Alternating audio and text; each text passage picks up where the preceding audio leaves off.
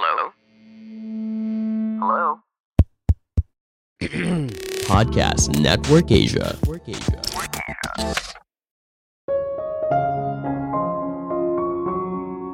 Membujuk orang lain bukan artinya kamu harus bicara terus. Justru kebanyakan bicara bisa jadi kontraproduktif.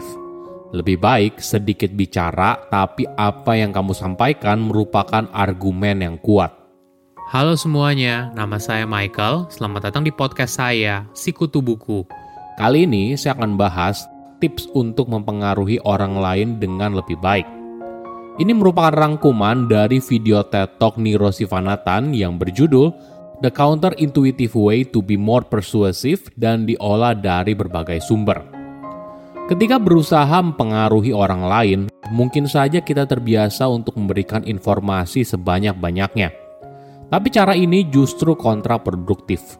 Otak manusia tidak memilih sesuatu karena tersedia banyak informasi di sana tapi otak manusia akan menggabungkan informasi positif dan negatif, lalu membuatnya menjadi rata-rata.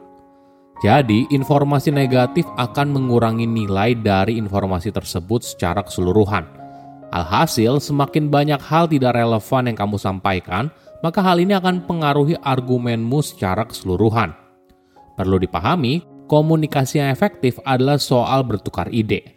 Artinya kita harus menjalin hubungan yang baik antara kita dan lawan bicara, mendengarkan apa yang mereka katakan, dan menjawab keresahan hati mereka.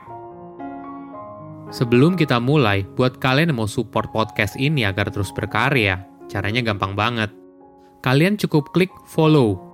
Dukungan kalian membantu banget supaya kita bisa rutin posting dan bersama-sama belajar di podcast ini.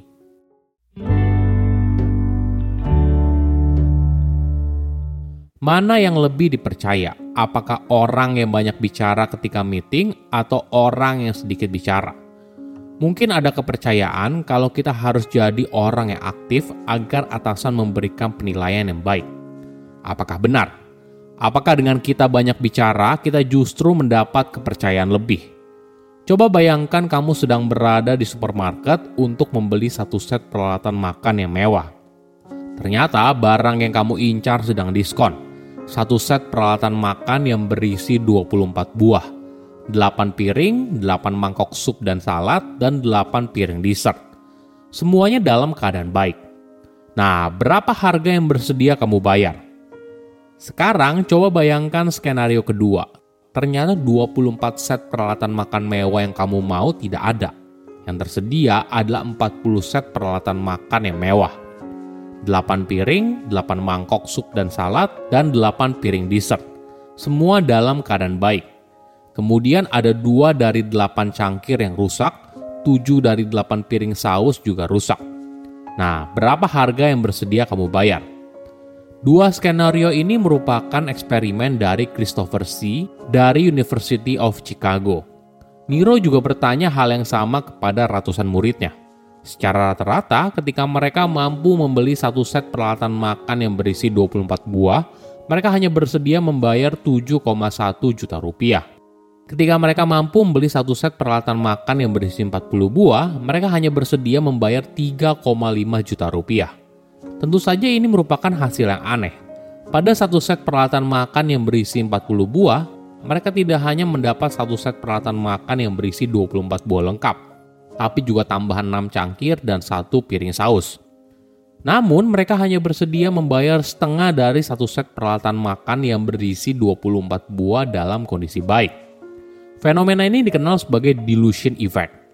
Barang yang rusak mendilusi persepsi kita terhadap nilai satu set secara keseluruhan. Hal yang sama juga terjadi dalam hal penilaian kita kepada orang lain. Misalnya begini, ada dua orang bernama Tim dan Tom. Tim belajar 31 jam selama seminggu di luar jam belajarnya di sekolah. Tom juga belajar 31 jam selama seminggu di luar jam belajarnya di sekolah. Tom punya saudara laki-laki dan dua saudari perempuan. Dia juga sering mengunjungi kakek neneknya. Sesekali dia pergi kencan buta dan bermain biliar setiap dua bulan sekali. Dari dua orang tersebut, manakah yang menurut kalian memiliki tingkat pencapaian akademis yang lebih tinggi? Secara rata-rata, mayoritas responden memilih tim. Kenapa? Padahal Tim dan Tom sama-sama menghabiskan 31 jam untuk belajar. Ternyata ketika diberikan konteks dari sebuah informasi, pikiran kita dibagi menjadi dua kategori, diagnostik dan non-diagnostik.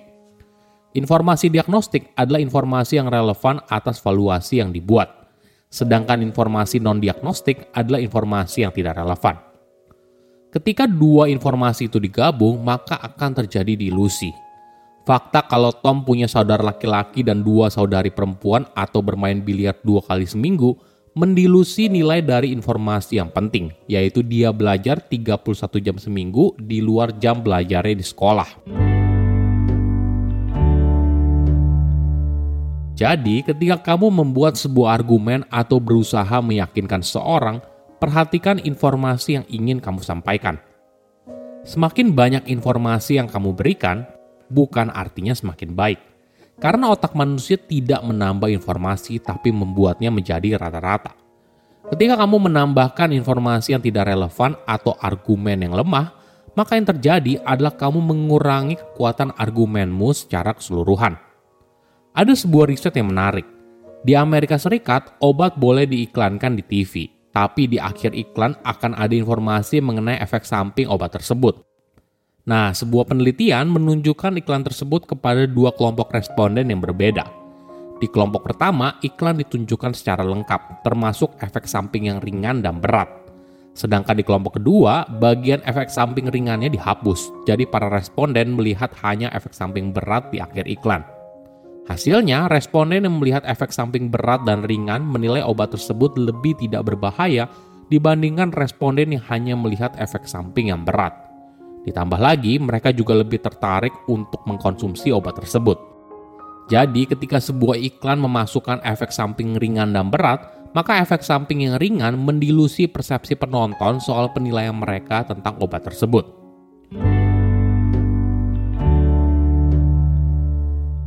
Menentukan mana argumen terbaik memang tidak mudah.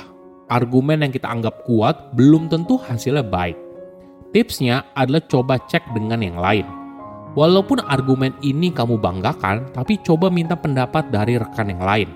Siapa tahu justru kamu bisa membuat argumen yang lebih baik. Alasan utama kenapa banyak orang berusaha memasukkan begitu banyak argumen adalah agar apa yang disampaikan bisa diterima banyak orang Jangan lupa juga, kamu perlu membuat dirimu disukai oleh orang lain. Tidak peduli apa yang kamu sampaikan, apabila orang itu saja tidak suka dengan kamu, maka apa pun yang kamu katakan tidak akan didengar. Terakhir, seni membujuk orang lain bukan artinya manipulasi. Ketika kita membujuk orang lain, artinya kita berusaha meyakinkan orang lain kalau pilihan yang kita sampaikan adalah yang terbaik bagi kita berdua. Di situlah ada peran kepercayaan di sana. Saya undur diri, jangan lupa follow podcast Sikutu Buku. Bye-bye.